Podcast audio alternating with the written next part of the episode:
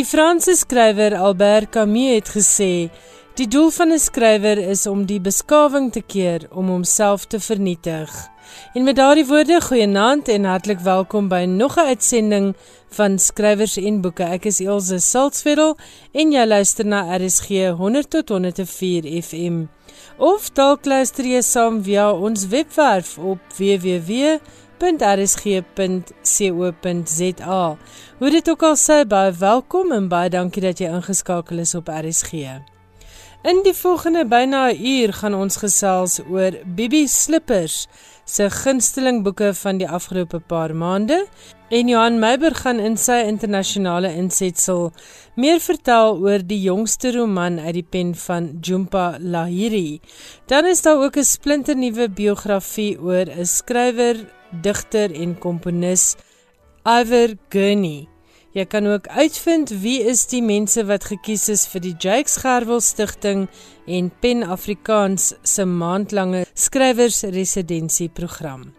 Baie welkom weer eens. Ek hoop daar's iets vir jou leesmaak en dat jy die boeke kuier vanaand saam met my en Johan Meiburg en spesiale gas Bibi Slippers baie sal geniet.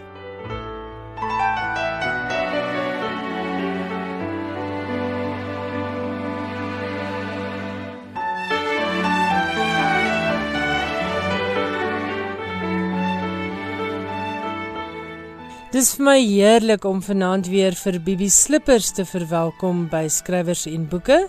Bibi is 'n bekroonde digter, 'n bekende in boekkringe en die afgelope paar maande op 'n sabbatsrus terwyl sy aan 'n boek werk. Bibi, baie dankie dat jy vanaand met ons gesels. Maak jy darm so 'n bietjie tyd vir lees tydens jou sabbatsvakansie? Ilse, dankie, dankie vir die geleentheid om met jou te gesels en om jou vraag te antwoord. Ek dink Ehm um, die eerste en belangrikste bestanddeel van 'n skryfvakansie of 'n 'n skryf sabbatical is definitief om ook te lees. Dit voel vir my ehm um, dit is die lesery baie maal wat mens uiteindelik aan die skryf kry. Mens loop wel die gevaar om so lekker te lees dat jy nie lus is vir skryf nie um, of net te lui raak. Die lees is so lekker en dis regtig 'n voorreg gewees om om tyd te kon hê om ook stadig te lees om met met baie aandag. Jy voel nie asof jy gejaagd is want daar's daar's ander werk om te doen of dit of dat nie. Um ek kon regtig tyd maak om te lees en ek het ek het ook goed gedoen waarvoor ek nie gewoonlik tyd kry nie soos om boeke te herlees. Ek het spesifiek 'n paar boeke saamgebring wat ek baie geniet het en wat ek onder ander omstandighede nie nooit tweede keer sou lees nie want wie tyd daarvoor. En toe hierdie geleentheid nou oor my pad kom, ehm toe het ek besluit deel van hoe ek hierdie tyd wil spandeer is om met aandag weer boeke te lees wat ek in die verlede gelees het en graag net weer wou ervaar. Ehm um, so dit is die een ding en dan die ander ding is dat ek tyd gemaak het om notas te maak en om mooi gedeeltes van die boeke oor te skryf in in notaboeke ehm um, te onderstreep, te highlight. Ehm um, so dit voel dan regtig of mens mens lees op 'n ander manier as jy voel jy het tyd. En dit ja, dit dit werk nie altyd so nie en um, mense is nie altyd in daai bevoordeelde posisie nie maar dit is vir my baie spesiaal dat ek nou die tyd kon hê om so op 'n ander ritme amper met boeke saam te wees vir 'n rukkie. Wil jy vir ons vertel van nuwe boeke wat jy gelees het of is dit herlese waaroor jy gaan praat? Ek dink ek gaan oor die nuwe boeke praat. Ehm um, net omdat ja, daar was vir my baie groot plesier veral hier rondom Desember waar die jaar nou 'n bietjie jy weet verlede jaar tot 'n einde gekom het. Dit was 'n moeilike jaar en ek het gevoel ek gun myself 'n behoorlike vakansie en vir my en my kop is dit altyd 'n lesery. So wat ek gedoen het aan die einde van verlede jaar, ek was nie verskriklik op sosiale media nie. Ek het omdat ek hier gesit en geskryf het, het ek nie regtig geweet wat in die boekewêreld aangaan soos wat ek gewoonlik byhou daarmee nie. Ek het nie die nuus gevolg nie. Ek het nie op sosiale media gekyk wat lees almal nie. So so laat November toe het ek begin om deur die lyste te lees van The Guardian en The New York Times al daai groot publikasies se lyste van die top 20 beste boeke van die jaar.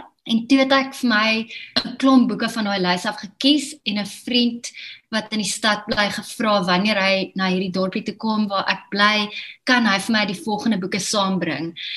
En dit was baie lekraak op op 'n manier die keuses. Ek het na die voorblaaie gekyk, ek het die klein opskriffies of write-ups oor die boeke gelees en dan is so 'n mengsel ook van hulle bestel. Ek het 'n boeke gekies in in 'n sekere opsig wat wat ek gesien het o, daar was 'n groot hoe hieroor om watter rede ook al mense het gestry of beklei daaroor ander boeke wat wat pryse gewen het en dan dink mense okay, so kom ons gee dit 'n kans en sien of dit 'n uh, regverdige toekenning van pryse was. En dan dan ook uh, boeke van skrywers wat ek herken het omdat ek voorheen al iets van hulle gelees het. En in een geval 'n boek wat ek gekies het omdat die blurb voorop, die aanhaling van 'n ander skrywer was 'n skrywer wat ek baie geniet. So ek gaan eers oor die boek praat. Die boek se naam is Writers and Lovers en die skrywer is Lily King en die aanhaling voorop was van Elizabeth Strout en ek gaan nou-nou iets oor haar ook sê want eh, een van haar boeke is ook op my lys maar Writers and Lovers was een daar op 'n lys van die top 20 beste boeke van die jaar maar dis nie een van daai boeke waarvan mense by almal hoor jy moet dit lees nie maar van dit ek het gelees het is ek daai persoon wat vir almal sê jy moet hierdie boek lees. Ehm um, so dit gaan oor die dit, dit beskryf die lewe van 'n tipiese soort van jong struggling skrywer. En die hoofkarakter se naam is Casey Peabody en sy is in die proses om haar eerste roman te skryf. Sy's al vir 6 jaar besig om te sloof oor hierdie boek. En in daai tyd het sy haar ma verloor. So dit is 'n boek wat gaan oor hierdie proses van die voltooiing van 'n eerste roman die rouproses oor die oorlede ma en dan net ook die normale soort van stryd van aan die lewe bly as jy jou gewig agter hierdie ek wil amper sê airy fairy kunsprojek ingooi. Niemand glo op 'n manier as jy vir hulle sê jy's besig om 'n boek te skryf, daar gaan iets van kom of jy weet so so Casey werk as 'n waitress, sy werk in 'n restaurant en ehm um, soggens sit sy en en sloof haarself regtig af aan hierdie boek. Sy moet self kies tussen twee mans, so daar's ook 'n element van 'n bietjie chicklit daarin gewees. Hoe ek dit vir almal beskryf het is dat dit vir my gevoel het soos 'n soort boek wat 'n mens op die strand wil lees op vakansie, maar oor hierdie een hoef jy nie skaam te voel nie, want dit is ongelooflik goed geskryf en so fyn waargeneem ek kan nie genoeg kere sê hoe lieflik hierdie boek was nie en eers het ek gedink miskien is dit net omdat ek regtig aanklank daarbey vind omdat dit oor 'n jong skrywer gaan maar ek het dit ook aanbeveel vir vriende wat glad niks met skryf te doen het nie en ek het nog nie een mis gehad met hierdie boek nie. Almal vir wie ek dit aanbeveel het was gek daaroor. So ek kan regtig met baie confidence vir mense sê hierdie is 'n moet lees boek so net weer die titel dis Writers and Lovers en die skrywer is Lily King en met hierdie boek is dit nie net die storie wat wonderlik is en wat jou regtig aangryp nie maar die taalgebruik die sinne die waarneming is werklik waar dis pyk. Van die dinge wat wat 'n mens lees en dan dan tref dit jou net as so absoluut waar. So op 'n stadium uh die die skrywer Casey se landlord spot haarself. Sy sy woon nie eers in 'n tuinwoonstel nie, hulle noem dit 'n potting shed. So dis al vir die klein kamertjie agter hierdie ou se motorhuis. En hy maak self 'n bespotting van haar op 'n stadium sê hy vir haar, I just find it extraordinary that you think you have something to say. En dan antwoord sy hom nie, maar sy dink net. Ehm um, sy sê hy sal nooit verstaan nie, maar ek skryf nie omdat ek dink ek het iets om te sê nie. Ek skryf want as ek nie skryf nie, voel alles net erger. En daai het was vir my so 'n stukkie waarheid.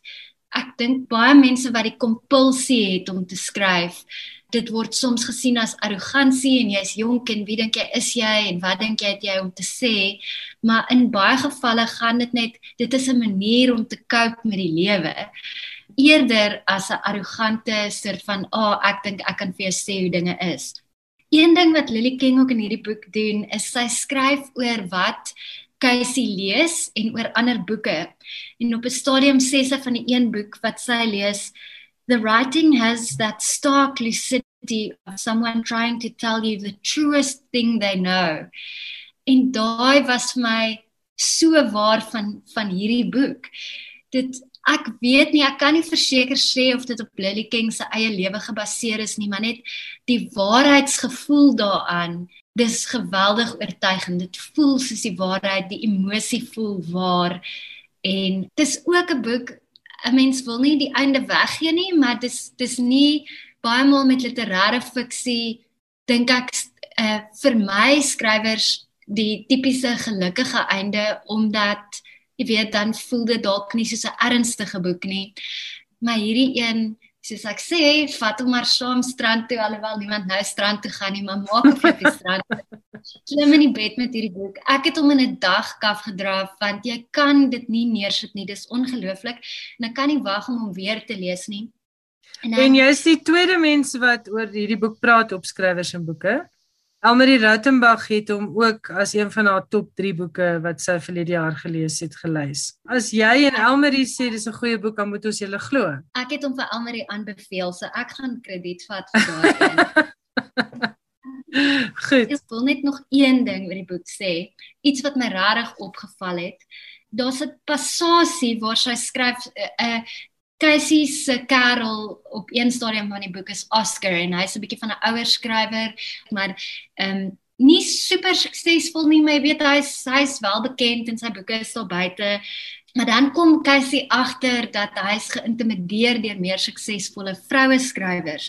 En sy maak net die volgende observasie. Sy sê nearly every guy I've dated believed they should already be famous, believed that greatness was their destiny and they were already behind schedule. En dan praat sy so 'n bietjie oor al hierdie ouens wat sy gesien het en sy het later gedink dis net iets in die tipe man wat sy kies en dan besef sy dis eerder hoe mans anders grootgemaak word as vrouens en sy sluit af I've met ambitious women, driven women, but no woman has ever told me greatness is her destiny. En daai het my verskriklik opgeval as 'n nog een van daai absolute waarhede wat net met soveel duidelikheid en oortuiging in hierdie boek opgesom word, hoogs aan te beveel. Die titel is Writers and Lovers deur Lily King. Goed, dis jou eerste boek. Wat het jy nog op jou lysie? So die tweede een was 2020 se wenner van die Women's Prize for Fiction Hamnet van Maggie O'Farrell. Ek het nog nooit voorheen 'n boek van 'n Farrell gelees nie en ek het met hierdie een het die titel my so bietjie afgeskrik. Ek was bang dis 'n verwerking van Hamlet. Weet dit is die afgelope jare was daar baie sulke verwerkings van van Shakespeare in meer moderne romans en Margaret Atwood het een gedoen met die naam Hagseed wat 'n verwerking was van The Tempest op 'n manier. Daar was daar was ander voorbeelde van dit ook. En ek was nie regtig lus so iets nie. So ek het gewag vir twee vriende se resensies van die boek. Ek het hulle dit eers laat lees en toe gehoor en dit albei vir my gesê nee, absoluut die moeite werd. So die titel Hamlet is wel verwant aan Hamlet. Shakespeare het 'n tweeling gehad, Judith en Hamlet, en Hamlet is tydens die plaag oorlede. Die titel is wel 'n bietjie, ek wil sê misleidend omdat 'n mens dink dan die boek gaan oor die seentjie Hamlet. Maar die die hoofkarakter in die boek is eintlik Shakespeare se vrou en ons ken haar as Anne Hathaway, maar Maggie O'Farrell noem haar in die boek Agnes. En daar is geskiedkundige soort van argumente vir Anne se naam as Agnes. Daar's mense wat glo dit was eintlik haar naam of dis wat mense haar genoem het en wat baie interessant is, is alhoewel 'n mens die gegewe ken en jy weet die boek gaan oor Shakespeare en sy familie en hy se hoofkarakter, hy word nooit by daai naam genoem nie. Hy word of the Latin tutor genoem of the bar, jy weet die skrywer of dit of dat, maar hulle noem hom nooit op sy naam nie. So op 'n manier weerhou sy daai, jy weet, iemand se Shakespeare het 'n magnetisme om hom. Hy's wêreldberoemd. Almal ken die naam Shakespeare. En die boek gaan eintlik oor Agnes en Agnes se rol in William Shakespeare se lewe, oor hulle familie dinamika. Dit is weer eens net die observasie in hierdie boek.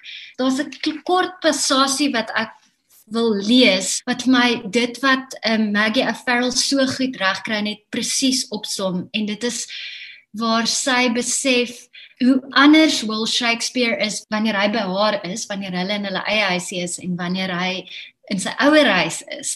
Ek dink ook net dis iets waarmee so baie van ons kan assosieer dat hy hy kom by ouer huis aan en ewe skielik asof regressie plaasvind en jy's weer 13 of jy's 3. En ja, sy sy sy som dit baie mooi op in die volgende paragraaf. Sy skryf It's evident to Agnes now as they enter the kitchen as he stirs the fire and throws on a log that her husband is split in two. He's one man in their house and quite another in that of his parents. In the apartment, he is the person she knows and recognizes, the one she married. Take him next door to the big house, and he is sullen, sallow, of face irritable, tetchy. He is all tinder and flint, sending out sparks to ignite and kindle.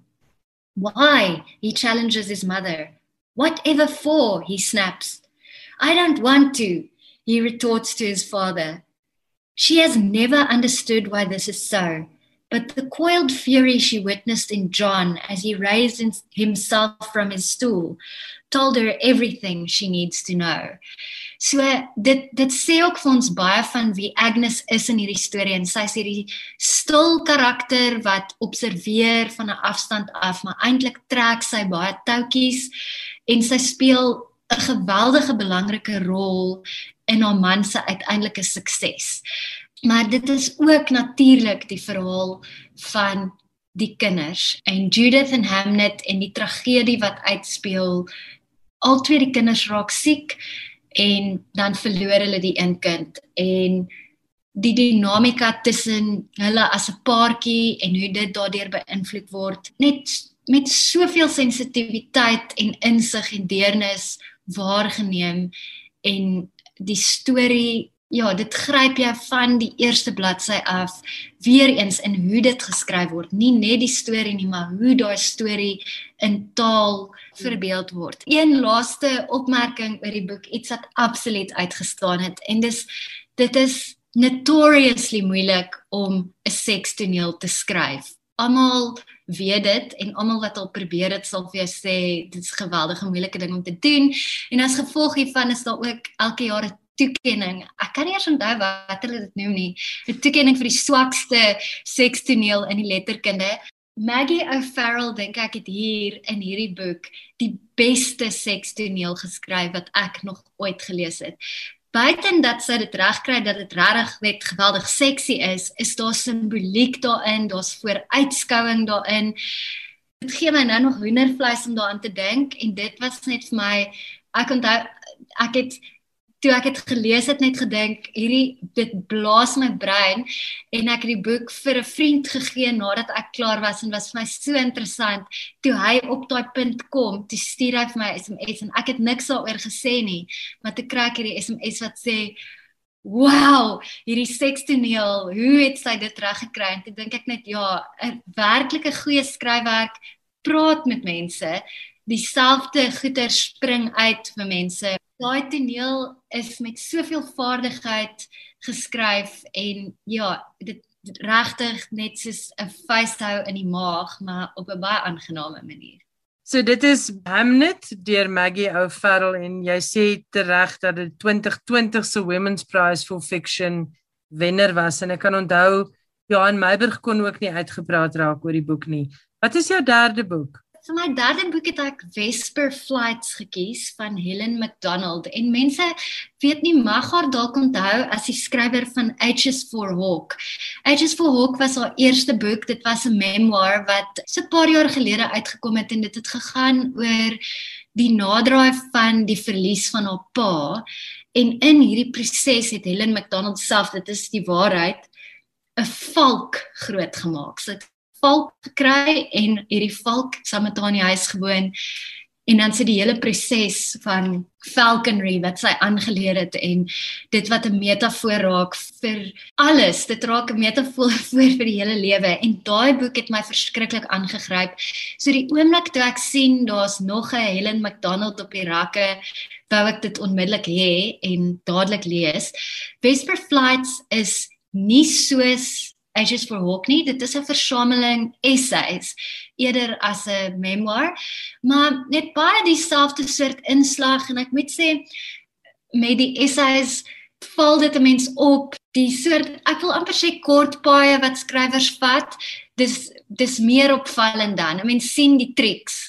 Sy doen dieselfde triek in 'n hele paar van die essays en dan voel mense klein bietjie, mm, jy kan verstaan sê nou maar die een het in The Guardian verskyn en die, die ander een op in 'n ander tydskrif. Dit strek oor 'n klomp jare, maar wanneer hulle dit so saamvoeg in 'n bundel soos dit in 'n of 'n versameling essays, dan raak dit opvallend dat dat die skrywer sekere neigings het.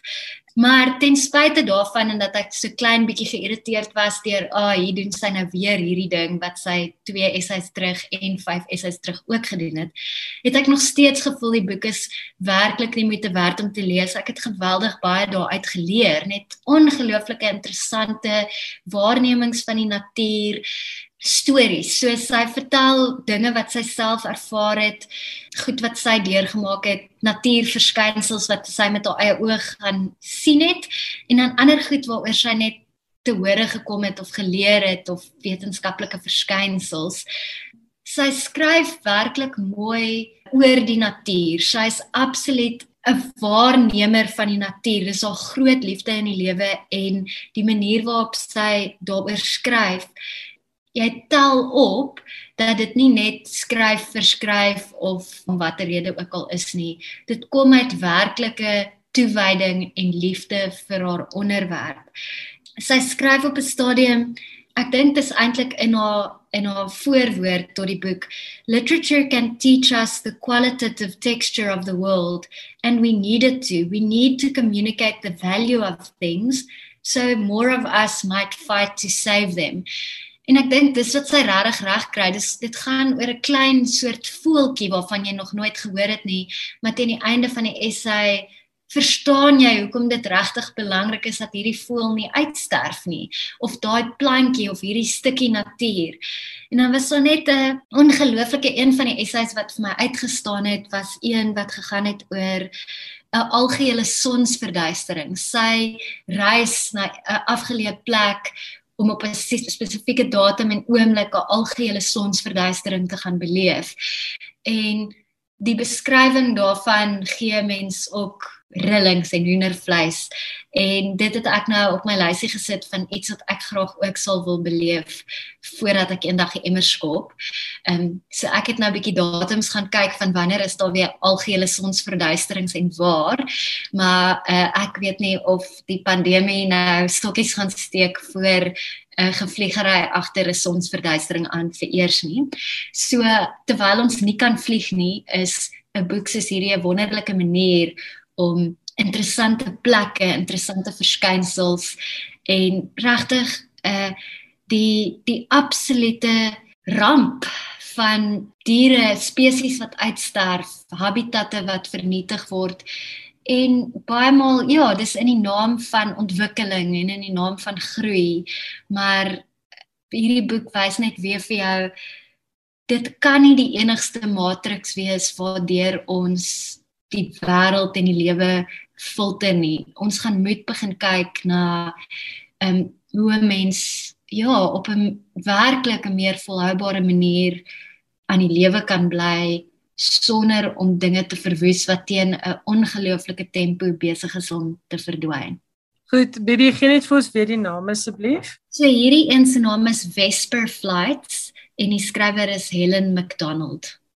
En jy het na H is for Hawk verwys. Ek weet dit was een van Phyllis Green se topboeke van ek dink 2016 toe die boek uitgekom het. Sy kon ook nie uitgepraat raak oor die skryfwerk nie. So baie dankie daarvoor. Bibi, dit is nou jou top 3 boeke van die laaste paar maande se gelesery. Wat is nog op jou lys wat jy vir mense kan aanbeveel as jy net vinnig 'n paar boeke wil noem? So ek wil definitief vir mense aanbeveel om Elizabeth Strout wat ek vroeër genoem het se boek Olive Again te lees. Dit is 'n opvolg op haar vorige boek Olive Kitteridge. Olive Kitteridge is van 'n paar jare gelede, so intussen was daar ook 'n verskeidenheid ander boeke deur Elizabeth Strout. As jy haar naam ooit sien, enige boek deur haar ek was nog nooit teleurgesteld nie, maar wat ek spesifiek vinnig wou sê oor Olive Again is dat ek die audioboek geluister het op Audible en dit was die beste voorlesing van 'n boek wat ek nog teëgekom het. Ek luister nogal baie audiobooks, maar hierdie voorlesing is deur Kimberly Farr en die karakterisering dit was fenomenaal. Uh so die vorige Olive boek het ek gelees en ek het dit regtig baie geniet, maar om hierdie te kon luister en hoe die karakters lewendig raak in die audio formaat was my fantasties. So ek kan dit regtig aanbeveel. So die boek is Olive Again en dit is deur Elizabeth Strout en ek het die audioboek geluister op Audible. Ehm um, dan 'n paar titels nog kan noem wat jy gerus kan gaan opsoek. Ek het The Dutch House van Anne Patchett verskriklik baie geniet. Dan 'n ouer boek is Hot Milk van Deborah Levi wat 'n vriendin het hier aangebring het, maar werklik interessant en absoluut die moeite werd. 'n Boek wat meer onlangs verskyn het, um, is Piranesi van Susanna Clark.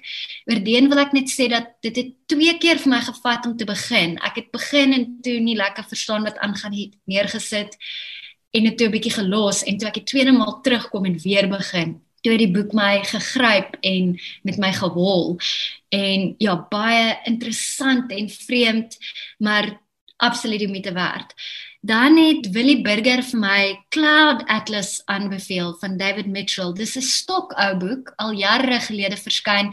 Net een wat ek op 'n manier misgeloop het. En ek het dit verskriklik baie geniet. 'n uitdaging om te lees en die boek word geskryf in die styl van 'n klomp verskillende genres. So jy jy moet soort van heeltyd oorgang maak na 'n nuwe genre, maar dit was 'n 'n baie besonderse leeservaring vir diegene wat nie omgee om 'n bietjie 'n uh, soort van effort in te sit uh, wat regtig op die ou end die moeite werd is nie. En dan laastens, hierdie een is ook nie 'n nuwe boek nie, maar dit is Modern Gods van Nick Laird. Ehm um, Nick word baie maal beskryf as Mr Zadie Smith want hy's getroud met die meer bekende skrywer Zadie Smith maar in sy eie reg werklik 'n fenominale romansier en digter. Uh en hierdie spesifieke boek Modern Gods het ek ongelooflik baie geniet en ek het dit aangegee vir my pa wat net so baie um ja, daar uitgekry het en ons kon baie lekker uh gesprekke daaroor voer. Dis die soort boek wat mense oor oor 'n paar dinge laat dink en mense kan lekker gesels met iemand anders wat ook die boek gelees het. So kyk uit vir daai. En dit was Bibi Slippers. Bibi, ek sê vir jou baie dankie vir jou tyd, dankie vir jou wonderlike aanbevelings. Dit is altyd vir my lekker om te hoor wat lees ander boekmense en ek dink jy het vir luisteraars ook 'n klomp wonderlike leesidees gegee. En geniet die res van daai Sabbatsrus en ek hoop jy kom terug met fantastiese skryfwerk. Ek het gesels met Bibi Slippers en sy het vir ons vertel van 'n klompie boeke wat sy die afgelope paar maande gelees en geniet het. Ek is Elsje Salzveld, jy's ingeskakel op RSG 100 tot 104 FM. Herinner gerus ook oor see se familie en vriende dat RSG via ons webwerf geluister kan word. Dit is by www.rsg.co.za en natuurlik DStv kanaal 813 of OpenView kanaal 615 bied ook toegang tot RSG. Dit dan waar jy RSG kan luister, maar hierdie is RSG en skrywers en boeke. Die Jacques Gerwel Stichting en Pen Afrikaans het onlangs die suksesvolle kandidaate aangekondig vir die maandlange skrywersresidensie wat die twee organisasies weer vanjaar aanbied. Die fokus van die residensieprogram is veral skrywers wat nuwe stories na die Afrikaanse letterkunde bring en nuwe leefwêrelde vir ons kom oopskryf wat nog nie voldoende in die letterkunde gehoor is nie. Die volgende 6 skrywers is gekies vir vanjaar se skrywersresidensie. Andries Besuidnout, Lydia Gittens, Mercy Kannemeyer, Sylvia Okhuis, Sari Nel en Walda Jansen. Die goedgekeurde skryfprojekte waaraan hierdie sestal sal werk, sluit 'n verskeidenheid romans vir volwasse sowel as jonger lesers in, as ook kortverhale en gedigte. Baie geluk aan die ses wat gekies is. Ons sien baie uit na julle skryfwerk wat na afloop van die skrywers residensieprogram die lig sal sien. Die Jakes Gerwel Stichting het ook laat weet dat twee deelnemers aan verlede jaar se mentorskapsprogram se boeke later vanjaar gaan verskyn. Hulle is Miriam Telani se Hier verlaat ek jou en Lebo Mazibuku se Bantu Knots. Dit is natuurlik kort op die hakke van verlede jaar se twee boeke wat uit die mentorskapsprogram gebore is. Dit was Branwen David se memoir Landsdown Dearest en Engela Ouwies se Draairivier wat albei by NB Uitgewers verskyn het. Baie dankie aan die Jacques Gerwel Stichting en ook aan Pen Afrikaans en NB Uitgewers vir hierdie wonderlike inisiatief en die nuwe boeke wat julle moontlik maak hiermee skrywers en boeke. Alles wat jy oor die boekewêreld wil weet en meer. Nou is dit weer Johan Meiburg se beurt om met ons te gesels oor die internasionale skryfwêreld, dinge wat daar nuut is en wat ons van moet kennis neem. En vanaand gesels hy oor die skrywer Jumpa Lahiri se nuwe roman wat pas verskyn het. Dit was oorspronklik in Italiaans geskryf, maar sy het dit pas in Engels vertaal. Jy kan ook meer uitvind oor die biografie oor die skrywer, digter en komponis Iver Gurney. En jy kan na klankopnames luister wat betrekking het op albei skrywers. Johan, oor na jou. Die Amerikaanse skrywer Jhumpa Lahiri het in 1999 met haar eerste bundel kortverhale Interpreter of Melodies die gesogte Pulitzerprys vir fiksie en die Pen Hemingway prys opgeraap. In haar tweede roman, The Lowland, was op die kortlys vir die Man Booker in 2013. In die skryfwerk was dit die belewennisse van Indiese emigrante in die FSA wat sy verbeeld en die manier waarop hulle 'n brug moet slaan tussen die kulturele waardes van Indië en die Amerikaanse lewenstyl. Lahiri se ouers kom van Wes-Bengale in Indië en het hulle in Londen gaan vestig waar Lahiri gebore is. Sy was 3 jaar oud toe hulle na die FSA verhuis het. In haar vroeë werk maak sy gebruik van ervarings van haar ouers en hulle vriende in Bengale en beskryf sy die benouenis en vooroordeel wat immigrante in die FSA aan die vel voel. Op drie is Lahiri aan 'n hele nuwe wêreld blootgestel en het sy dit haar eie gemaak. Ek kon net sowel hier gebore gewees het, het sy by geleentheid oor die FSA gesê. In 2011 het Lahiri weer so 'n kulturele sprong aangedurf toe sy haar in Rome gaan vestig het in Italiaans onder die knie gekry het. In 2015 het sy in The New Yorker 'n nuwe fiksie essay Teach Yourself Italian gepubliseer en daarin ook aangedui dat haar plan is om voortaan slegs in Italiaans te skryf. Die artikel is trouens ook in Italiaans geskryf en moes in Engels vertaal word vir The New Yorker. Haar derde roman en haar eerste in Italiaans is in 2018 uitgegee en die vertaling daarvan, Whereabouts, het pas verskyn. Lahiri het die vertaling self gedoen.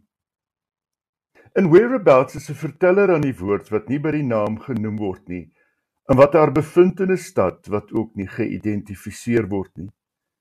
Aan die beskrywings van plekke en piazzas kry die leser egter die indruk dat dit Rome kan wees. Dis la hierdie se gebruik van teruggehoue en reflektiewe prosa en veral die verteller se stil binnepraat wat een resensent laat dink het aan die skryfwerk van Rachel Cusk en Sigurd Nunes. Hier lees Jumpa Lahiri voor uit Whereabouts, haar jongste roman wat eers in Italiaans verskyn het. Today there are protests downtown, and the helicopters have been circling the city all morning. But it's the sun that wakes me up, and it beckons me to my desk, where I write, wrapped in my robe, and then it draws me down to the piazza, where I'm greeted by the contained mayhem of my neighborhood. It's a splendid Saturday, the first warm day. Only a few people are still wearing boots. I see jackets unzipped and the blistered heels of girls in flip flops who can't stand the punishing leather ballerina flats anymore. Even though it's Saturday, there's still a dash of elegance to how people are dressed the bold shade of a jacket, a bright scarf, the tight lines of a dress. It feels like a party effortlessly organized at the last minute. The piazza becomes a beach on days like this, and a sense of well being, of euphoria, permeates the air. All the stores are full of people, long lines at the bank machine, the butcher, the bakery. But no one's complaining. If anything, they enjoy the wait. While I'm in line for a sandwich, a woman says, What a spectacular day. And the man behind her says, This neighborhood is always spectacular. It's my turn for the sandwich. Just wait and see how delicious this one's going to be, the man behind the counter says. He's known me forever and makes me the same sandwich at least three times a week. Today, it's going to be the best ever. He dips a ladle into a bucket on the counter. He weighs two slices of fresh cheese on the scale, arranges them on a roll, wraps the sandwich in paper, and gives me the bill. Here you go, my dear. It hardly costs anything. I look for a place to sit and find a spot in the playground where they deal drugs at night. But at this time of day, it's bursting with kids, parents, dogs, also a few people on their own like me. But today, I don't feel even slightly alone. I hear the babble of people as they chatter on and on. I'm amazed at our impulse to express ourselves, explain ourselves, tell stories to one another. The simple sandwich I always get amazes me too. As I eat it, as my body bakes in the sun that pours down on my neighborhood. Each bite, feeling sacred, reminds me that I'm not forsaken. Dit was die stem van Jumpala. Hierdie en sy het voorgeles uit haar nuwe roman Whereabouts. Saam met Wilfred Owen en Isaac Rosenberg was Ivor Gurney een van die vernaamste digters ten tye van die Eerste Wêreldoorlog. Penguin Classics het trouens kort voor die 100ste herdenking van die oorlog 'n bloemlesing uitgebring, saamgestel deur John Stallworthy met gedigte van die digters, Three Poets of the First World War. Gurney het geleef van 1890 tot 1937, wat ook 'n komponis was, het twee digbundels, Seven and Some van 1917 en War's Embers van 1919 uitgebring. Maar die grootste gros van sy gedigte, meer as 650, is nooit in sy leeftyd gepubliseer nie omdat dit soos indertyd daarna verwys mal verse was.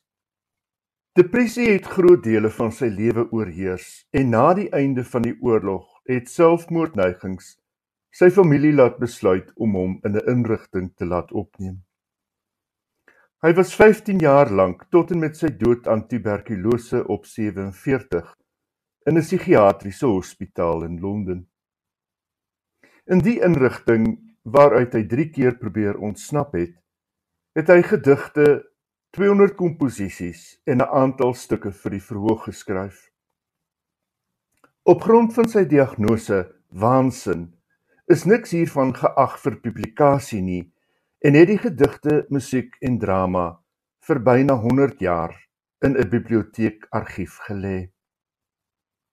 Kate Kennedy, 'n Oxford-navorser, het nou 'n biografie van Ivor Bertie Gurney uitgegee waarvoor sy die ongepubliseerde werk vir die eerste keer onder die oog gekry het. Die biografie heet Dweller in Shadows, A Life of Ivor Gurney. Wat merkwaardig is, aldus Kennedy, is om 'n digter en komponis te te kom vol vertroue in sy tegniek en wat sy volwasse periode betree sonder enigiemand om na hom te luister. Ek kan nie nog so 'n voorbeeld dink nie, sê sy. Daar is die mooiste beskrywings van landskappe wat hy net in sy verbeelding kon sien. Daar is die manier waarop hy die geluid van wind deur bome beskryf of die geluid wat nat blare in 'n woud maak as jy daarop trap. Terwyl sy ervaring van die buitelug die beton vierkant van die inrigting was. In haar navorsing waaraan Kennedy 15 jaar afgestaan het, het sy afgekom op 'n wyse dat die Engelse komponis Ralph Vaughan Williams, wat 'n kort ruk Gurney se dosent aan die Royal College of Music was, Gurney in die inrigting besoek het. By geleentheid sou Vaughan Williams Gurney se liedere op die inrigting se klavier speel en dit met hom bespreek. Ek sluit af nie met 'n gedig van Gurney nie, maar met sy toonsetting van Sleep, 'n gedig van die Jakobiaanse digter John Fletcher. Die gedig klink so: Come sleep and with thy sweet deceiving lock me in delight a while. Let some pleasing dream beguile all my fancies, that from thence I may feel an influence, all my powers of care bereaving. Though but a shadow, but a sliding, let me know some little joy.